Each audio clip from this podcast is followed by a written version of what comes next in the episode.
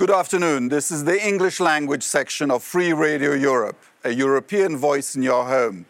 We welcome you from the European Parliament in Brussels, where we are just taking stock of a fact finding mission to Ukraine that uh, MEP Petras Austrevicius and I took part. We uh, visited um, Mariupol, Zaporozhye, and Kiev.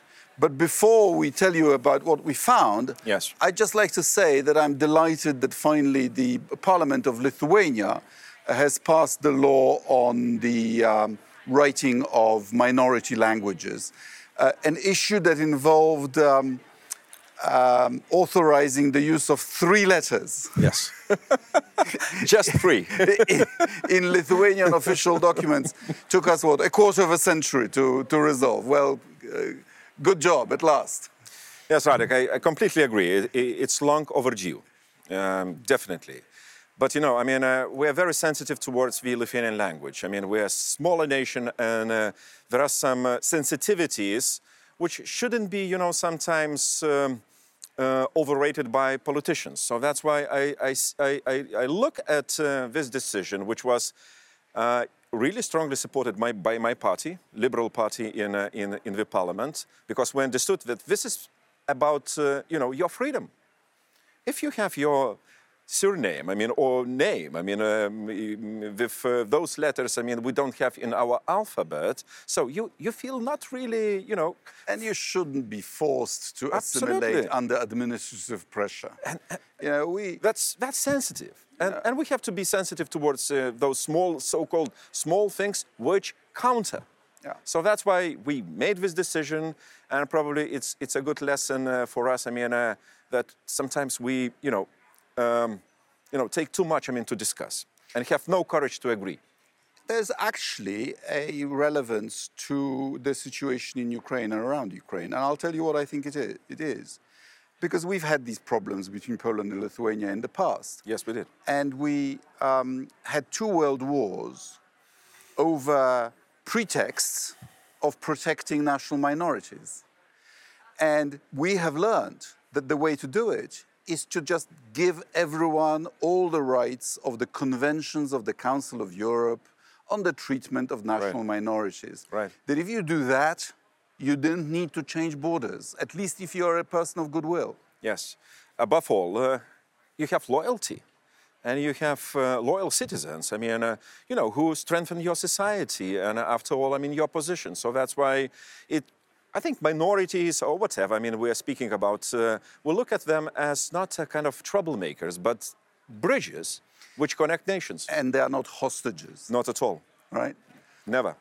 You were, you were uh, uh, Lithuania's youngest ever ambassador to, I was. to Finland.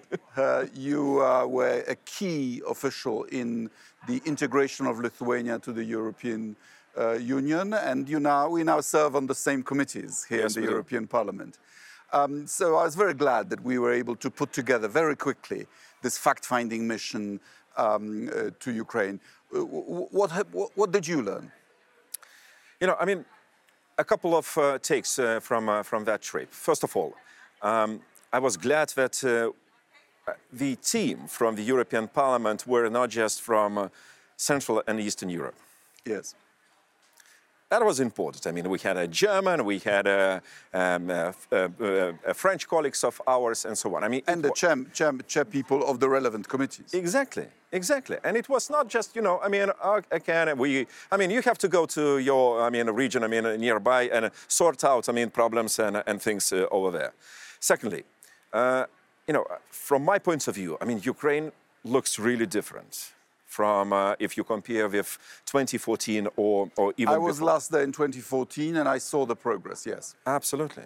I mean, you, you speak to, um, um, to uh, politicians, and, and you have somebody who replies, I mean, uh, and explains, and uh, very common language. I mean, we, we spoke uh, in Verkhovna Rada meeting uh, European um, Affairs or Integration Committee members.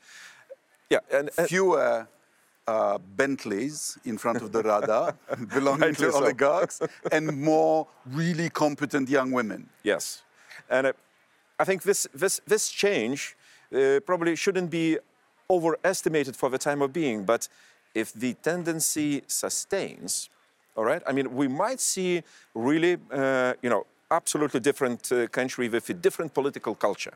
Because, I mean, this dominance, if you are in power, if you are, you know, richer or oligarch, as you said, and too many oligarchs were uh, uh, presiding over some in, uh, uh, Ukrainian institutions. I mean, you have a, a, certain, you know, kind of different position. So I see a very good tendency. Second take from, uh, from, from Ukraine is that, well, you know, eight years of war, it makes state, society, individuals absolutely different.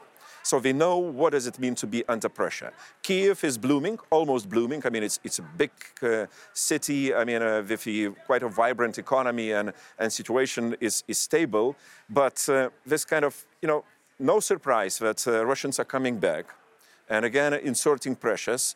Uh, I think uh, Russians shouldn't overestimate uh, uh, or underestimate probably uh, Ukrainian situation. I mean, they are not seeing same Ukrainians they saw eight years ago. But one wonders if President Putin knows that. I think he reads a lot of good, uh, probably memos, I mean, given to uh, him. Politicians, after 10 or 15 years in power, tend to start believing in their own propaganda. Yes, indeed. And, uh, well, I mean, I'm not uh, as naive as uh, to try to change Putin. Probably we, we, agree from very start. I mean, uh, there is no way. Probably Putin uh, will go away in uh, in, hist in, history as uh, as as he stands if for this war. If he does, if if he invades and it doesn't go right, there's no. a long tradition of change in Russia after a after a bad war. After a bad war, which again will be presented probably uh, is now presented uh, in in, in, Russian public as uh, something you know inevitable. I mean, and you know I I can't uh, understand. I mean to myself. We here in the European Parliament, in the European Union, Europe, I mean, we're speaking about the Green, Green Deal, about reforms. I mean, something, I mean, advancing societies, I mean, bringing more trade exchange between the nations. And what kind of a deal is in Russia? A war deal. War. Come on. I mean, it's almost unthinkable, yet it's, it's unthinkable. Yet, it, yet it's real. And where I think President Putin is underestimating us is he doesn't realize what effect um, you make uh, when you lie as blatantly as he did, yes. whether over Crimea or Donbass or the MH17. Nobody believes him. And therefore, we are not taken in by, his, by the tricks anymore.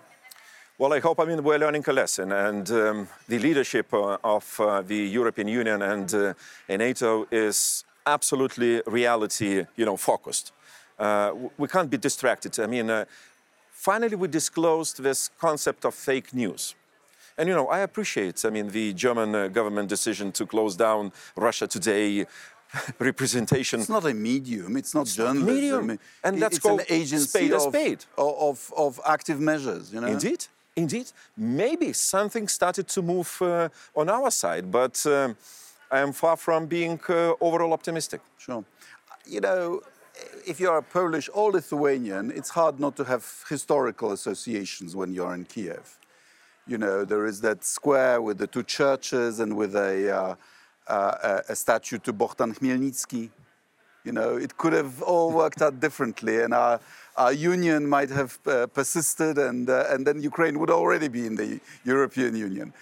But there is right. another yeah. uh, historical um, uh, thought that I had. You know, Poland and Lithuania shared something in the 1990s. Both you and we were absolutely determined to do whatever it takes to reform our economies and to join institutions of the West as, as quickly as possible because we knew that the historical window of opportunity will not last forever. And Ukrainians wasted a quarter of a century on what they thought were big, big geopolitical games, whereas actually they were just wasting time. Yes, exactly. I, I think it was uh, probably uh, such a golden, uh, golden value uh, wisdom, our national kind of experience on both. I mean, uh, Warsaw and Vilnius and, and more capitals in, in our region, we understood, I mean, uh, what, what a chance we are given. not just to be back, I mean, to the Western European communities and to be fully fledged, I mean, member uh, of this, but probably, I mean, to, uh, to live in a different environment. Uh, but, you know, looking at Ukraine. But it took courage, it took sacrifice. Indeed. The courage and the sacrifice. And probably, I mean, we had, uh, you know, different leadership, uh, which uh, was indeed, uh, you know, I mean, reflecting uh, those good memories and um, at least not lost in a kind of political maps were tried to be presented by Russians, by other, I mean, post-Soviet uh, politicians, no, no, no, no, no, I mean, don't go away, let's be friendly. I mean, uh, everything will be fine, you know, probably under different uh, names, but, uh, you know, we will live in a, in a new community. And no, no, no, we, we, we had such a harsh, such a difficult experience. We paid so much, but look at Ukraine. And so did Ukraine, you know, they had the famine and, you know, and, and somehow they were not determined enough, huh? Not determined enough, and probably they've been deceived uh, that uh, uh, they have the kind of a new state, independent state, uh, and, and Russia will be different. They and looked they at Russia as a friend. They had huge advantages, you know, nuclear power plants, Definitely. nuclear weapons, yes. yes. you know, huge territory, excellent agriculture, and you know, they started from parity. And, and, and, and Lithuania and Poland are now what, three times richer?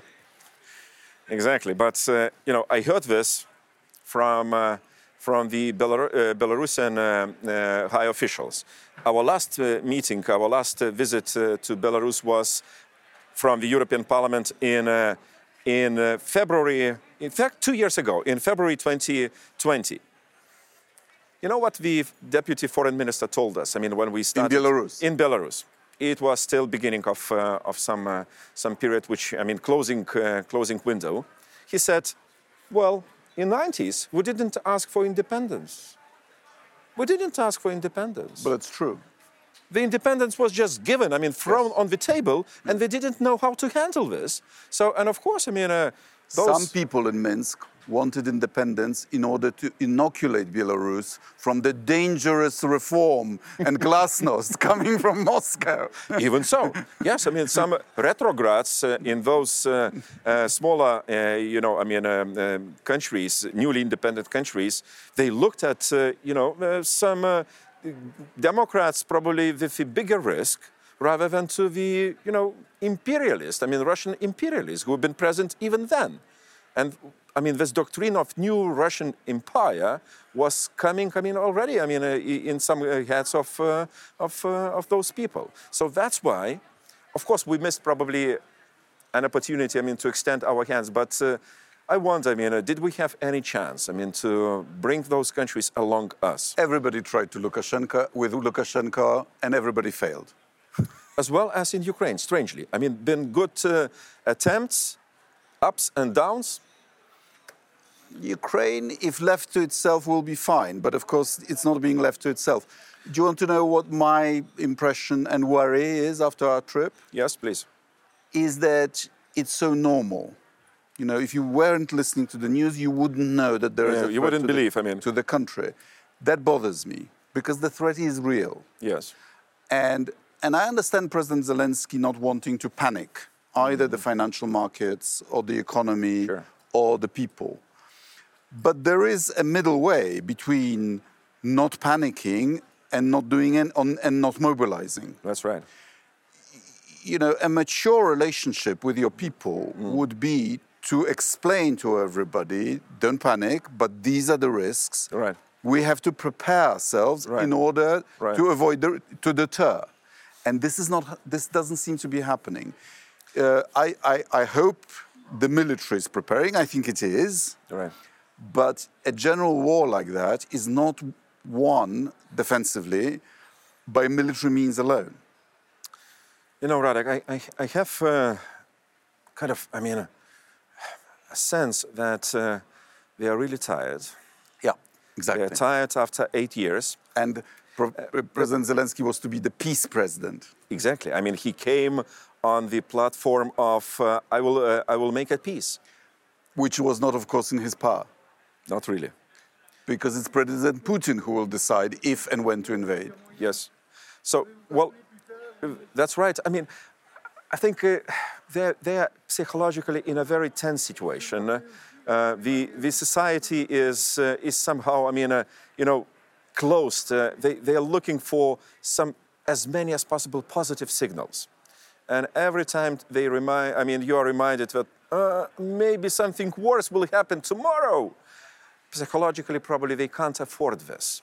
Well, you should you should hope for the best, but prepare for the worst. For the worst, it's, it's a You very know, good if the worst were never to happen, we wouldn't need militaries at all. You know what I mean? I mean, you have a military because what you don't want may uh, may unfortunately for happen. the X, indeed. So, but probably that's why I mean we have to, you know, pass those messages and talk to our partners in, in Ukraine and speak very blunt, uh, you know, language. I mean, uh, I mean, we politicians we we are allowed, I mean, to do this. I'm quite cheered by the Western reaction, actually. You know, So The- far, so good. The Americans are uh, uh, supplying uh, intelligence, both at the strategic level and at the tactical level. And I'm convinced that there, we would already have a couple of provocations if it wasn't for, for that. Very possible. The Ukrainians have now received a modern Western anti tank weapon, in addition to what they have themselves, for every Russian tank that's around the, the, their borders. Right. They are getting uh, short range anti aircraft missiles. They have their own anti ship missiles. Yes. This is not going to be a, a walkover by President Putin. I mean, the, I was defense minister in Poland. I keep, keep in touch with Polish generals. And they tell me it's not like in the movies. It's not like it's not going to be like the Kursk salient that you know thousands of tanks uh, uh, advance, and if the last one gets through, you win the battle. That's not how it works these days.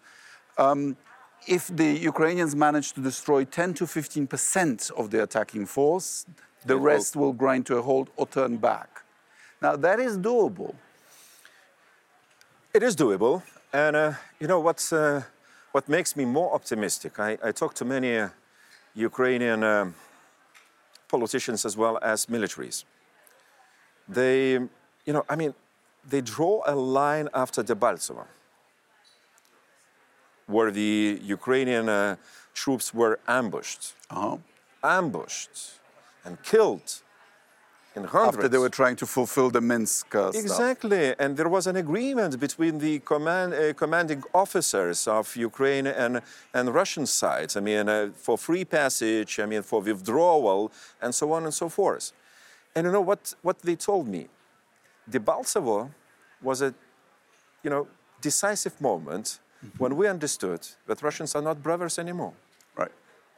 So, and I see this determination from the uh, at least Ukrainian militaries and those who support militaries. And uh, look, they built up the whole system.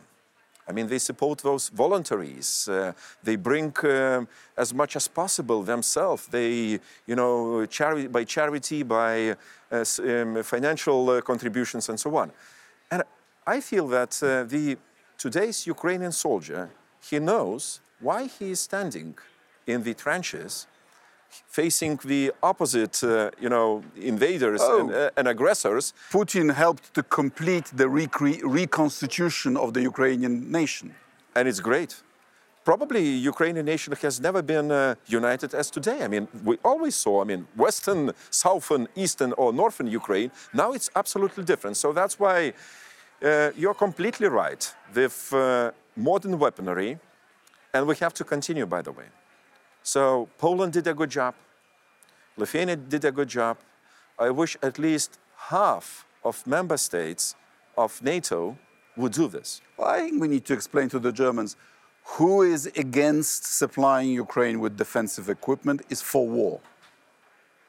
Because, because this is how you deter President Putin, not with resolutions, not with phone calls, but with facts.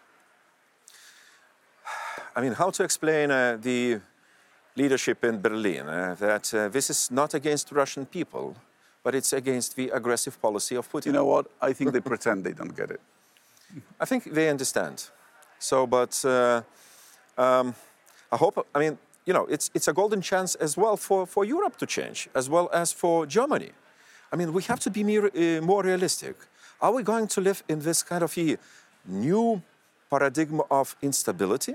But Germany is surrounded by friendly states. the problem is on the flank.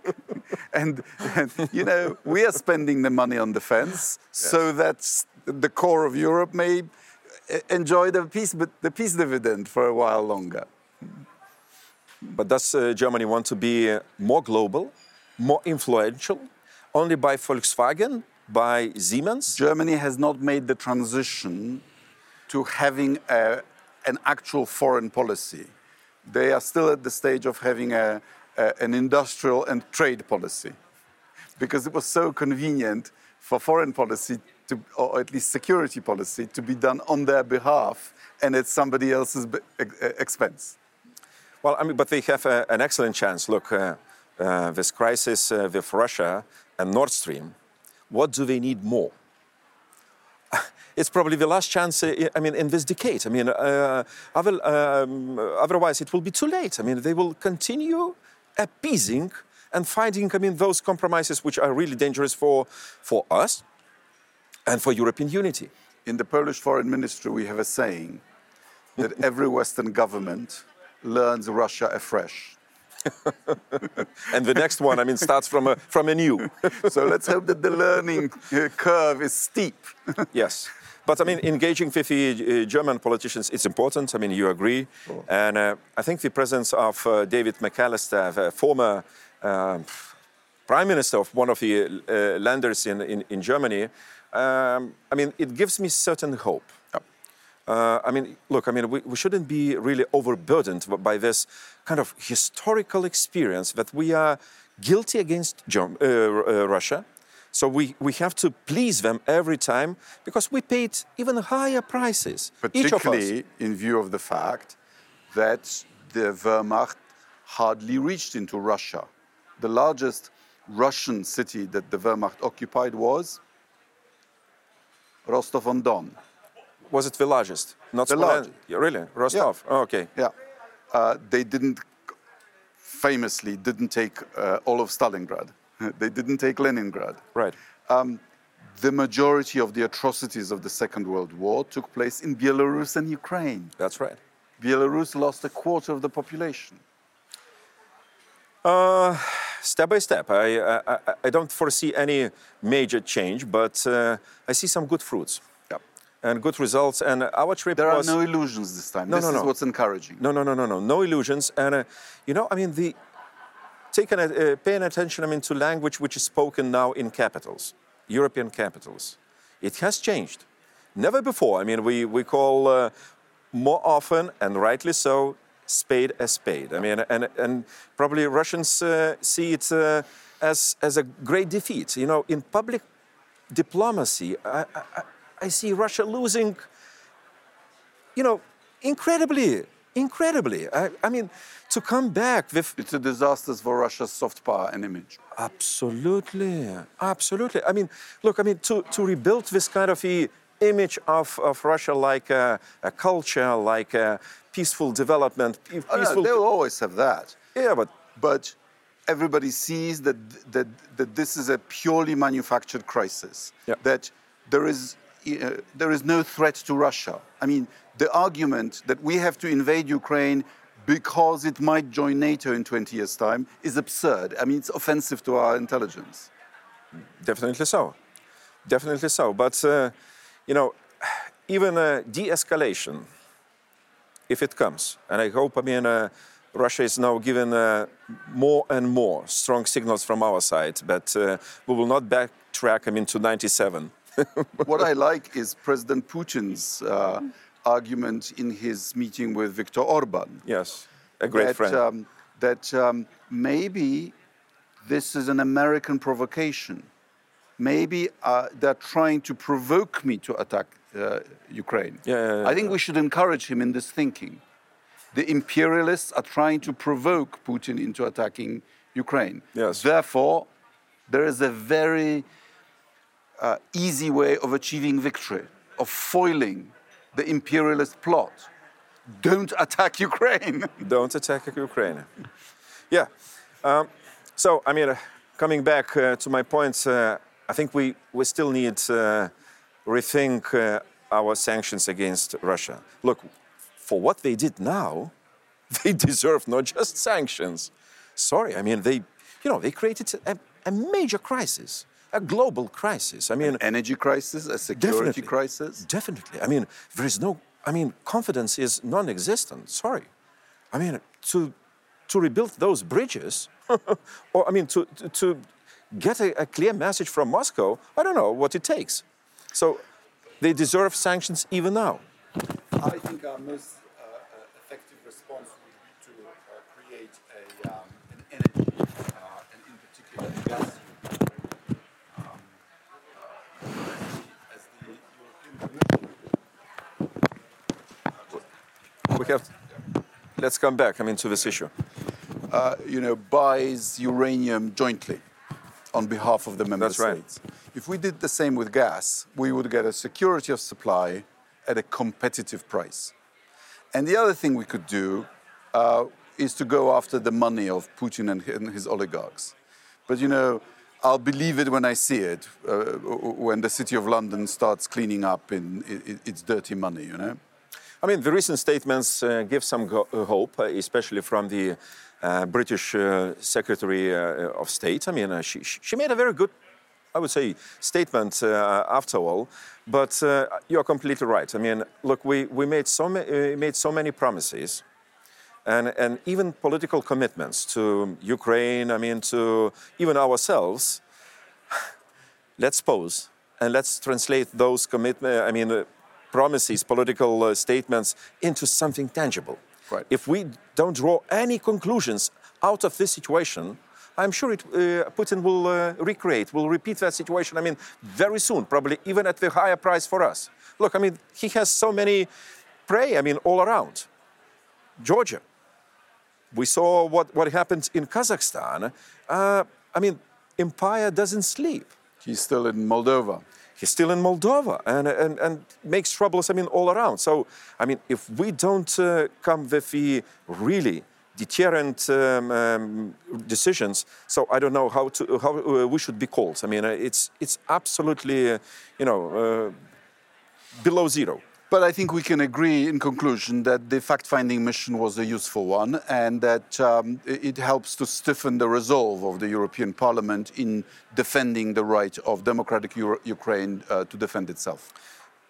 Radek, we, we sent a very strong political signal, but uh, apart from the European, uh, you know, joint uh, statement, we have to be uh, in our region even more active and more supportive. And uh, probably you will agree that I like this, by the way. I mean, trilateral cooperation, uh, Britain, Poland, uh, Ukraine. Let's see what it comes. Um, if, if something comes, it's good, it's great. But I mean, uh, on, on our regional uh, level, we have to bring uh, more countries like Czechia, like, uh, you know, Estonia or, I don't know, Bulgaria. I mean, all, together with us, even if, from the South or West Europe, in, in a smaller groups. I mean, to bring. Czech Republic is actually quite principled. Yeah, absolutely. I think we have a little coalition of people who've had uh, people murdered um, on their territory by Putin's death squads, you know, and it's payback time now. Exactly. so, but I mean, we should never forget, I mean, that uh, this kind of European unity sometimes comes because of the smaller groups and initiatives, because we have rather historical responsibility over Ukraine. Yep. Let's be frank. Yeah. Uh, but we are not sharing, we are not occupying. We simply trying, I mean, to bring To enable them to do what they want to do anyway. exactly, exactly, and shaking hands, not you know, shooting at them. That's right. Petras, thanks so much. It was, it was a pleasure to be with you on the trip, and I think we did something useful. Thank you. Thank you very much. This was the English language section of Free Radio Europe, European voice in your home. If you've uh, liked what you heard, please share, make available, pass on. And um, uh, I, I welcome you to the next installment, probably in Strasbourg. Thank you and goodbye. Goodbye.